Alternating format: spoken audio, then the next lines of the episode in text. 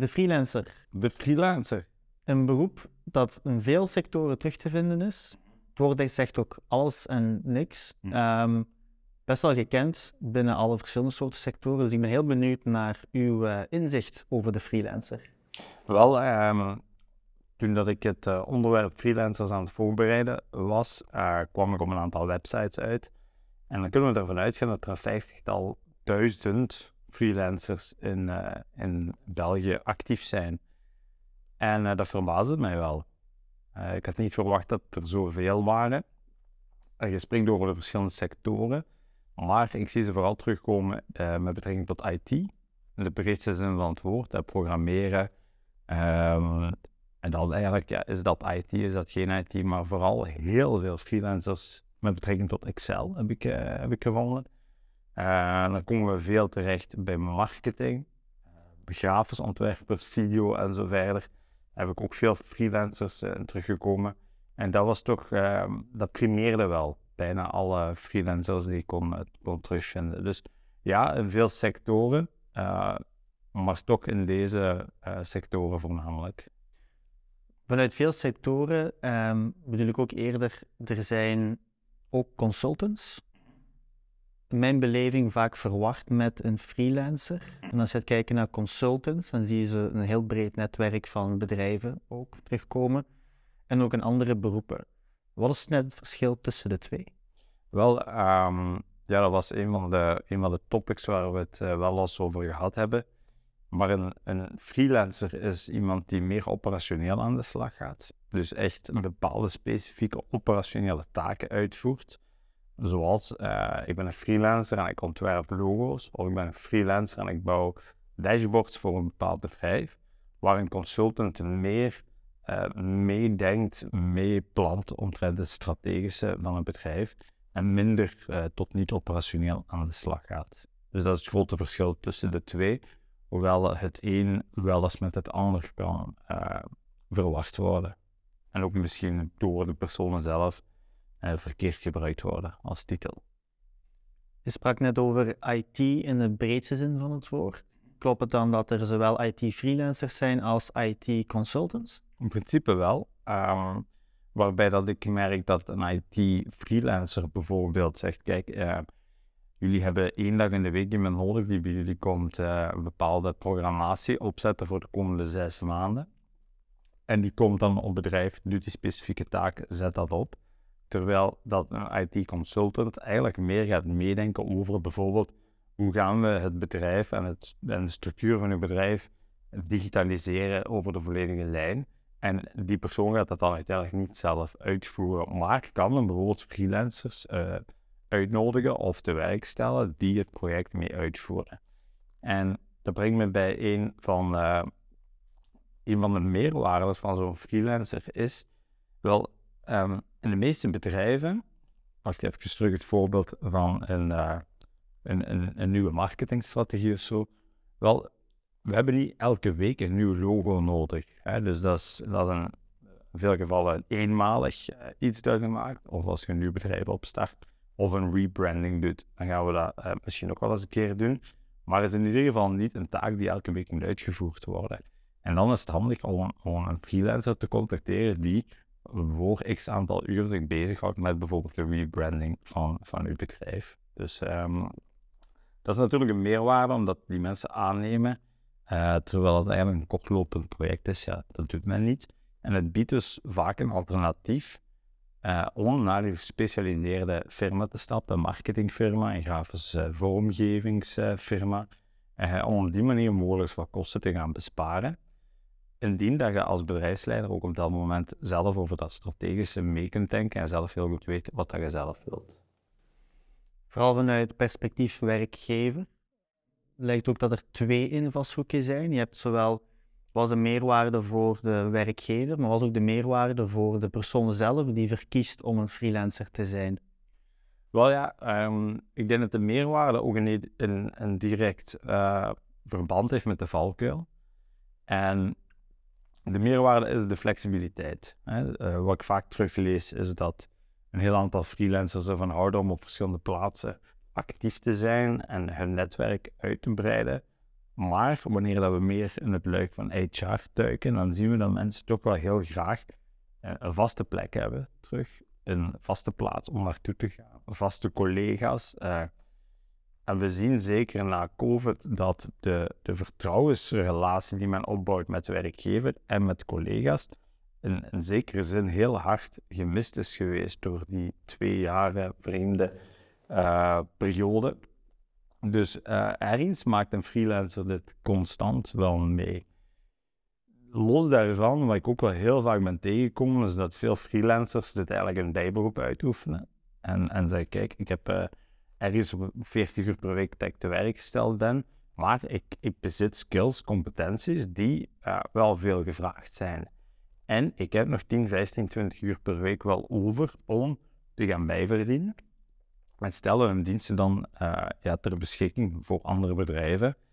En op zich vind ik dat, zeker in het kader van wat wij doen, vermogensopbouw, vermogensplanning, een, een hele uh, slimme keuze van een freelancer om te gaan doen. Want pak dat uw vaste job met 38 of 40 uur per week uw kosten thuis dekt en je kunt er een deels iets van sparen, maar je zegt, ja, ik wil toch een beetje een, een meer luxere leven hebben dan, dan dat 38 uur per week mij kan bieden.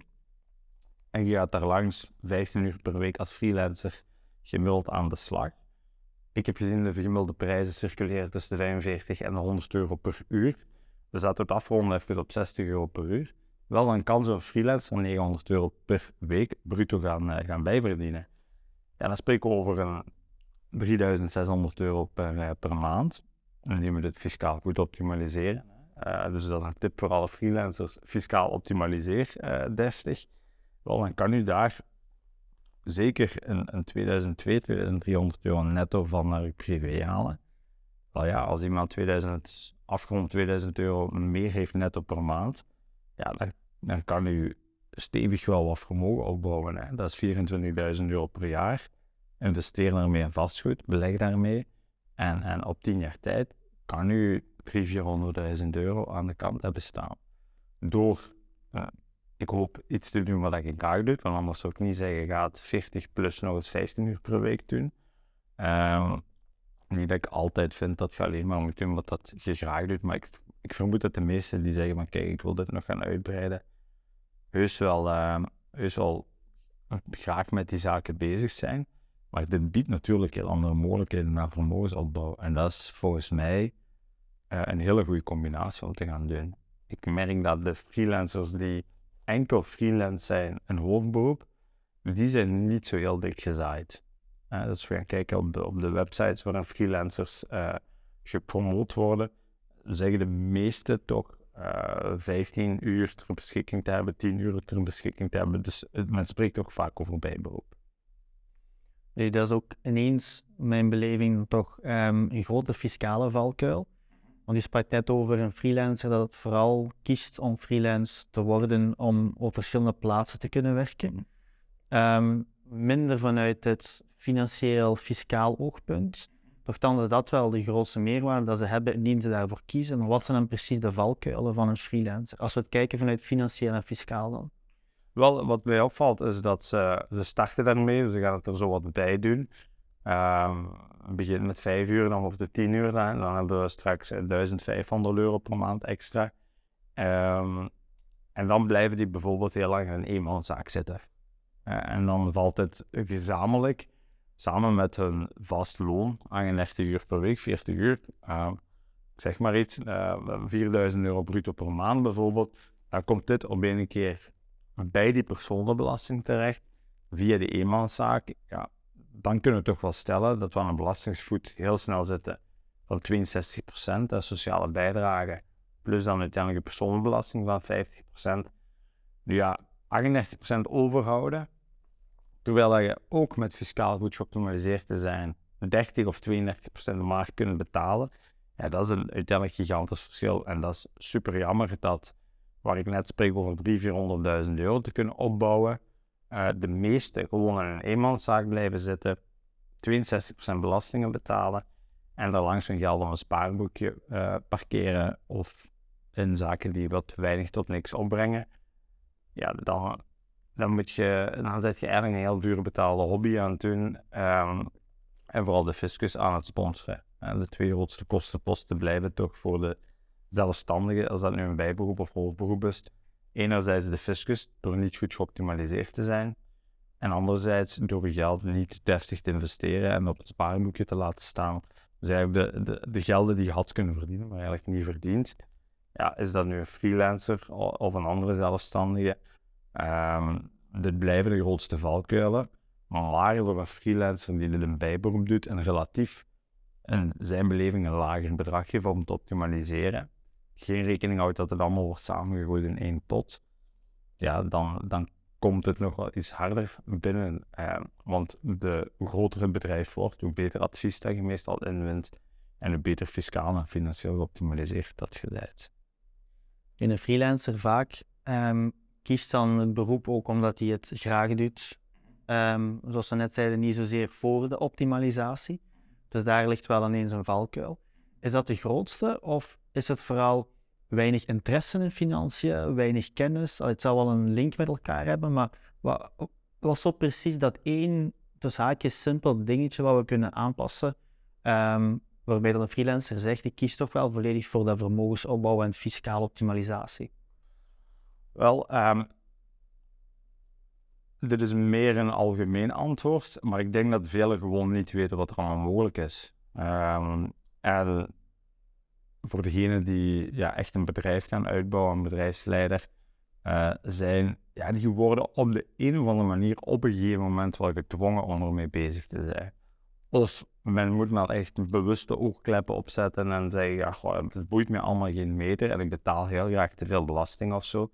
Uh, maar dat zien we doorgaans op een gegeven moment wel um, op de een of andere manier informatie um, te weten te komen dat ervoor zorgt dat ze uiteindelijk wel die stappen gaan nemen.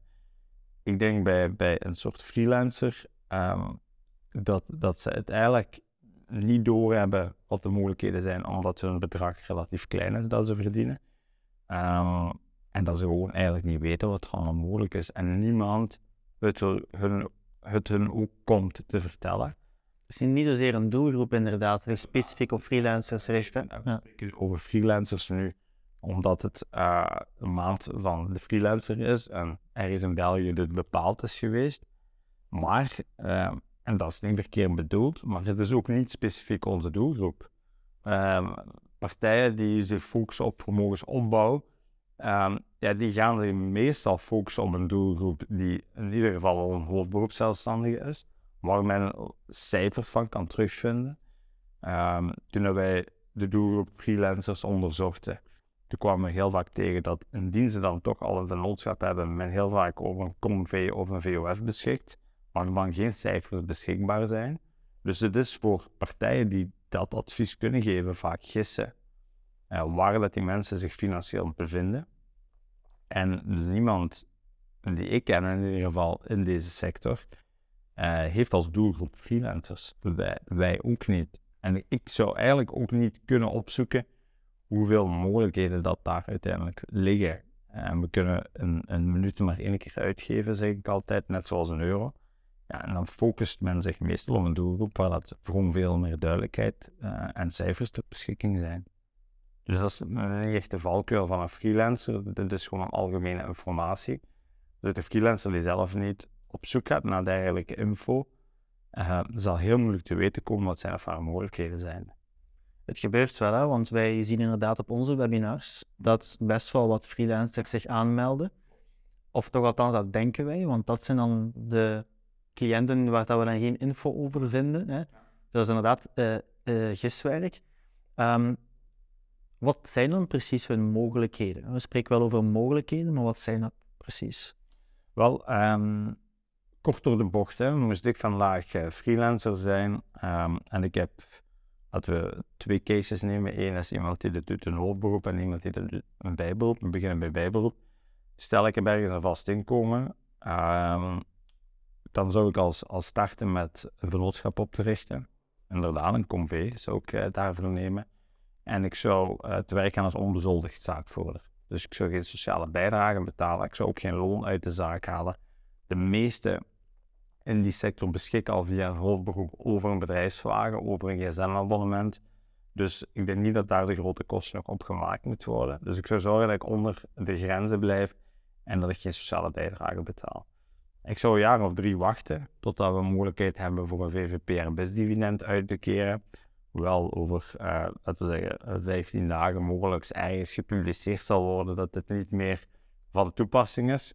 Hoewel ze in België ook durven dit in juni pas te publiceren en dan zeggen met terugwerkende kracht. En dat hebben we wel gemerkt met de circulaire omtrent de IPT, dus uh, dat, dat, blijft afwachten.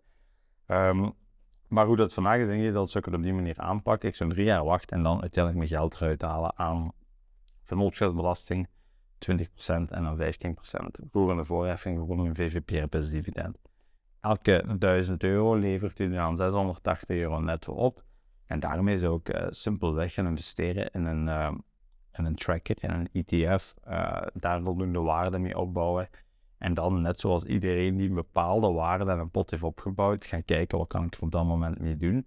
En dat advies verschilt niet anders dan iemand die een hoofdberoep is of iemand die een andere job uitoefent.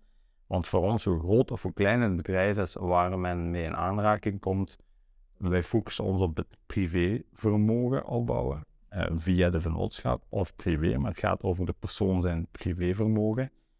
Um, en, uh, en daar gaan we altijd kijken wat kunnen we doen in functie van aandelen, wat kunnen we doen in functie van uh, beleggen op de, in de vastgoedwereld. Um, en, en liefst met de combinatie met de twee. En als de Belg dit in het algemeen al zou doen, dan zou die al een heel stuk meer rendement halen en hoef ik niet zo moeilijk te maken. Als we daar eens een ruwe schatting naar een bedrag op zouden plakken, um, wat zou het onbenut potentieel zijn van een freelancer die bijvoorbeeld een bijberoep werkt en ene die een hoofdberoep werkt? Wel, um, een, een bijberoep uh, kunnen, we, kunnen we spreken over, stel dat iemand afgerond 10 uur per week uh, bijklust, om het zo te zeggen. Um, die zal ergens een 2.500 euro per maand bij kunnen verdienen. Haal dit fiscaal vriendelijker uit, uh, dan gaan we um, een 1600, 1700 euro per maand netto overhouden. En indien we dit 10, 10 jaar blijven doen, wel, dan spreken we toch over een, een we zeggen, een, een, een 350.000 euro dat die, dat die uiteindelijk laat liggen. En wie laat het ook liggen? Iemand die de mogelijkheid heeft om freelancer te zijn en bijberoep, maar het niet doet. Uh, en zich s'avonds thuis op de zetel afvraagt, uh, ja, wat, is het volgende dat ik op tv kan zien? Of, of Netflix zit te bingen, dan denk ik, als je die skills hebt, IT-skills, marketing-skills, um, Excel skills, wel, daar zijn bedrijven genoeg die zeggen, well, kijk, ik zou hier graag iemand voor willen aanwijzen, maar ik heb er geen 38 uur per week werk voor, maar wel misschien 5 of 10 uur per week werk. Wel, stel uw dienst ter beschikking en doe iets met uw leven, om het, uh, om het uh, kort te zeggen. Want ja, dat, dat Netflix uh, en elke avond, weet ik veel, met uw vrienden op café gaan, ik maak er even een karikatuur van, wel, um, ik zou zeggen drie avonden in de week. Um, spendeer je tijd drie uurtjes, vier uurtjes om je skills, competenties ter beschikking te stellen.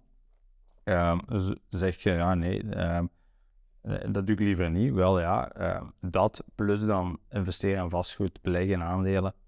Ja, het kost u gewoon 350.000 euro op 10 jaar tijd. En dan hoop ik dat Netflix met hele leuke series en video's blijft komen om, uh, om die meerwaarde te kunnen bieden in je leven.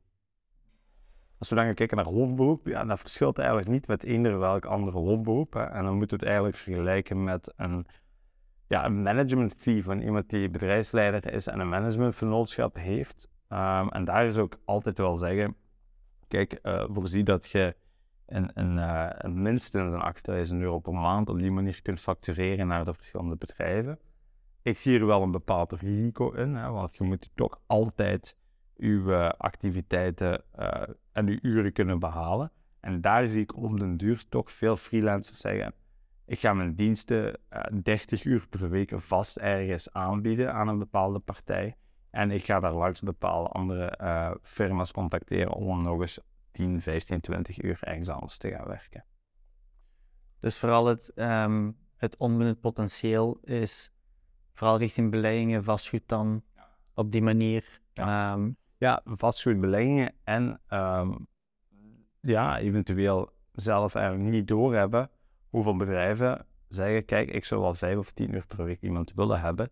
En je eigenlijk je tijd op bepaalde momenten zit, zit te verdoen. Uh, en, en echt wel iets beter kunt doen. Een weekje van 168 uur, waarvan de meeste 40 werken, ja, dat zijn 128. Er zit wat slapen bij, hobby's, kinderen, uh, al die zaken. Maar eigenlijk heeft toch iedereen wel 10, 15 uur per week dat hij te veel op zijn of haar gsm zit, tv zit te kijken en onbenullige dingen zit te doen. Welke tips zouden wij aan werkgevers dan geven omtrent een loontrekker of een freelancer aan te nemen? Um, wanneer je kijkt naar ons eigen, dan nemen wij uh, freelancers aan um, een kader van zeer kortlopende projecten. Um, of mensen die zeggen van kijk, ik, uh, ik heb 25, 30 uur ter beschikking. En wij hebben bijvoorbeeld die specifieke functie ook voor 25, 30 uur nodig. En wij bieden een bepaalde zekerheid naar die persoon. Um, en die persoon heeft de mogelijkheid om op andere plaatsen waar dat die minder tijd zit, om daarin bijvoorbeeld een hoger uurtarief te kunnen gaan uh, structureren. Dus in sommige gevallen, um, of in de meeste gevallen, raad ik aan aan werkgever om eens, werkgevers eigenlijk eens echt te gaan analyseren voor welke posten huur ik bepaalde externe firma's in en uh, wat betaal ik uiteindelijk daaraan per uur? En wat levert mij dat uiteindelijk op? En zou ik voor dat bedrag wat we daar op jaarbasis aan uitgeven, niet um, een freelancer uh, 20, 25, 30 uur voor mij kunnen laten werken, een soort managementovereenkomst, um, en besparing daar niet mee? En heb ik uiteindelijk iemand op een bepaalde manier toch niet makkelijker intern dicht bij me zitten dan ik altijd via externe posten moet gaan? Um, iets wat we nog niet hebben besproken, vaak hadden we marketing, IT en dergelijke sectoren. Maar voor zelfstandigen met een iets groter, uh, grotere omvang, dan spreken we over 10, 15, 20 mensen of zo. Wel, waarom niet een freelance uh, boekhouder aannemen? Iemand die zelf uw facturen gaat boeken, btw-aangiftes doet aan 40, 45 euro per uur, wat meestal de helft is van, van het tarief dat uw accountant aanrekent.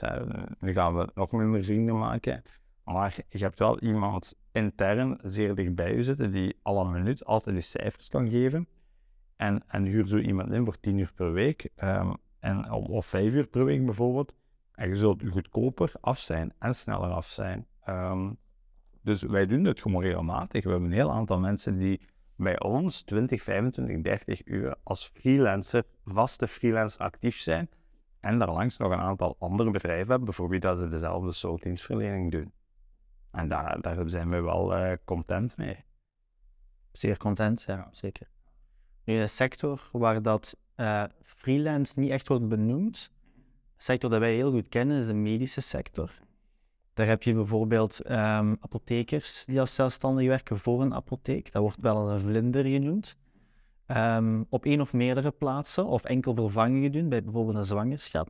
Maar bijvoorbeeld een kinesist die als zelfstandige werkt ook op verschillende plaatsen. Dat is daar dan precies de standaard, maar het heeft wel veel weg van een freelancer. Wel, um, ja, bij de apotheeksector vind ik het redelijk uh, te vergelijken met eigenlijk alles wat we net doornemen. Maar het wordt inderdaad, ik heb nog nooit gehoord van apotheek freelancer, hè, maar inderdaad vlinder. Maar het is heel duidelijk een operationele taak dat men gaat uitvoeren over verschillende apotheken. Um, er is ontzettend veel vraag naar apothekers, hè, dus um, op, zich, op zich een goede call. Mijn vrouw is zelf apothekeres. Uh, nu, en daar, daar wringt dan een beetje het schoentje. Ik zie ze niet heel vaak of ik zie ze niet al snel aan vier, vijf verschillende apotheken gaan staan. Waarom niet? Ze houdt van die band met de patiënt. Um, meestal vertelt men meer aan de apotheker dan dat men tegenwoordig vertelt aan, aan de huisarts. Um, misschien ook wel omdat uh, uw levensverhaal nu een apotheker niet betalend is en dan uw huisarts uiteindelijk wel. Dus dat zou wel iets mee te maken kunnen hebben. Um, maar ik denk, ja, ook, ook daar een, een apotheker Vlinder heeft veel wisselende collega's. Um, en, en ziet heel veel verschillende mensen. En ja, dan, dan is het financieel luik vaak doorslaggevend, omdat in het algemeen bij freelancers, hoe, hoe korter de periode dat je ergens actief bent, hoe hoger het uurtarief. Ja, want je hebt eigenlijk minder zekerheid. Dus ehm, ja, dan moet dat heel doorslaggevend zijn voor zo'n bijvoorbeeld een apotheker die in vier, vijf verschillende apotheken staat. Meestal beperkt zich dat tot, tot ja, twee, drie, max vier apotheken. Of ja, dringende vervangingen.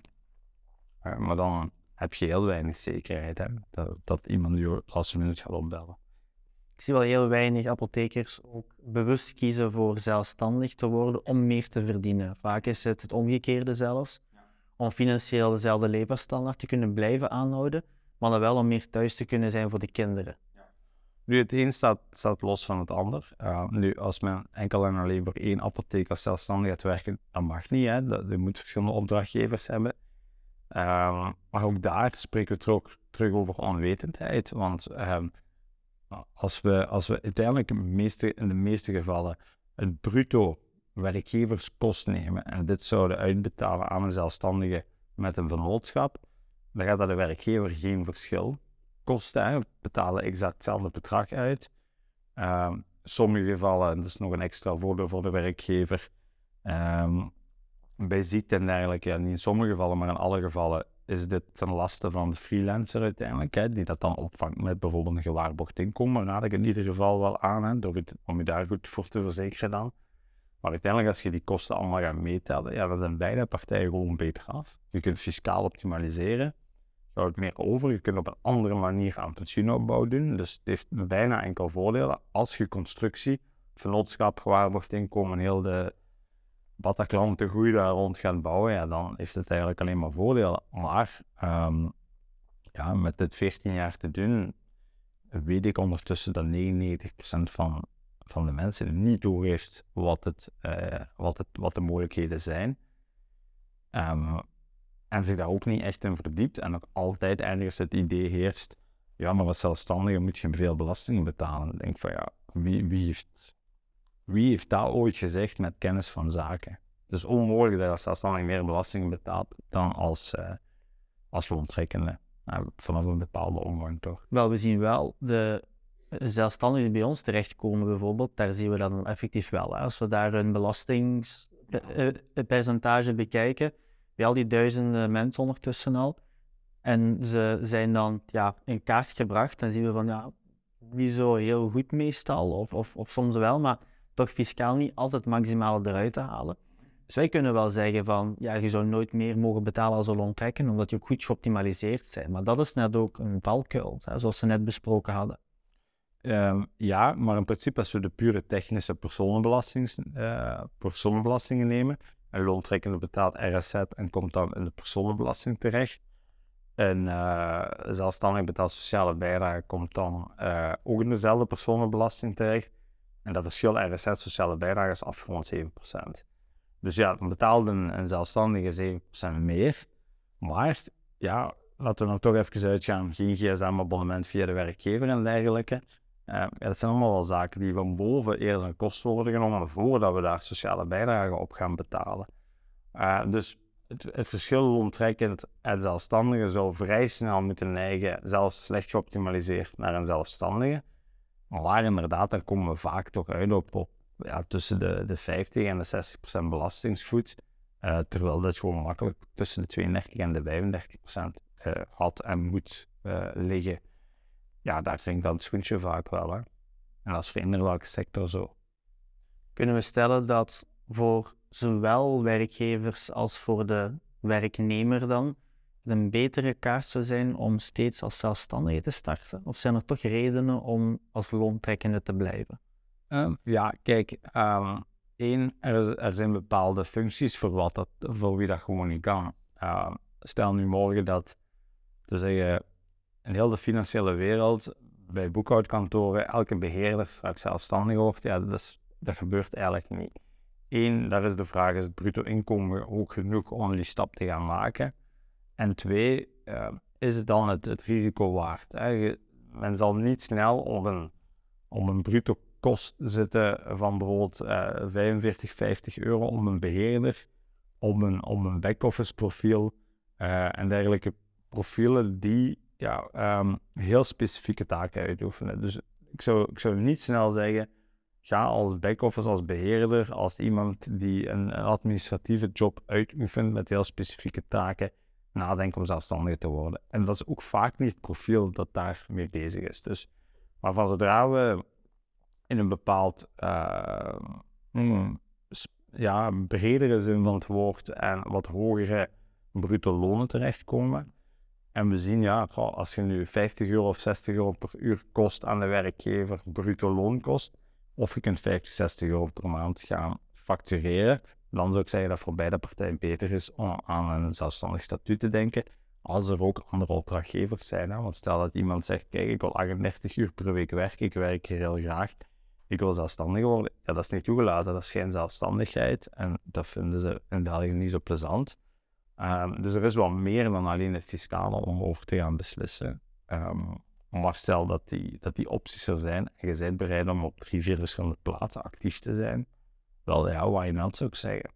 Ja. Dat is trouwens ook iets, het, het schijnzelfstandigheid, waar toch veel werkgevers um, angsten voor hebben. Terecht. Ja. Maar zelfs in situaties waarvan ik zou zeggen, ja, dat is best wel veroorloofd om mhm. een freelance aan te nemen, maar ze denken al heel snel van, ja, maar dan is het toch een schijnzelfstandige. Waar ligt juist de grens? Uh, de grens ligt, je mocht niet voor één opdrachtgever uiteindelijk werken. En ehm, ja, dan zijn er een aantal die uh, links en rechts wat facturen bij gaan maken en dergelijke. Maar dan zeg ik, ja, daarvoor is het ingebouwd. Hè. Ehm, ik zou altijd gaan van drie, vier verschillende opdrachtgevers waar je daadwerkelijk uh, verschillende zaken voor doet, of heel veel ook kleine projecten. Maar om louter en alleen voor één werkgever te gaan werken, puur als zelfstandige, dat vind ik een bepaald risico nemen. Uh, en, en, daarvoor is het systeem niet gemaakt. Dan blijf je beter non-trekkende. Oké. Ik weet voldoende. De kijkers ook. Oké, okay. laten we hopen. Wil je nog iets eraan toevoegen? Ik denk dat alles gezegd is wat gezegd had moeten worden. Oké, super. Alright. Bedankt. Tot de volgende.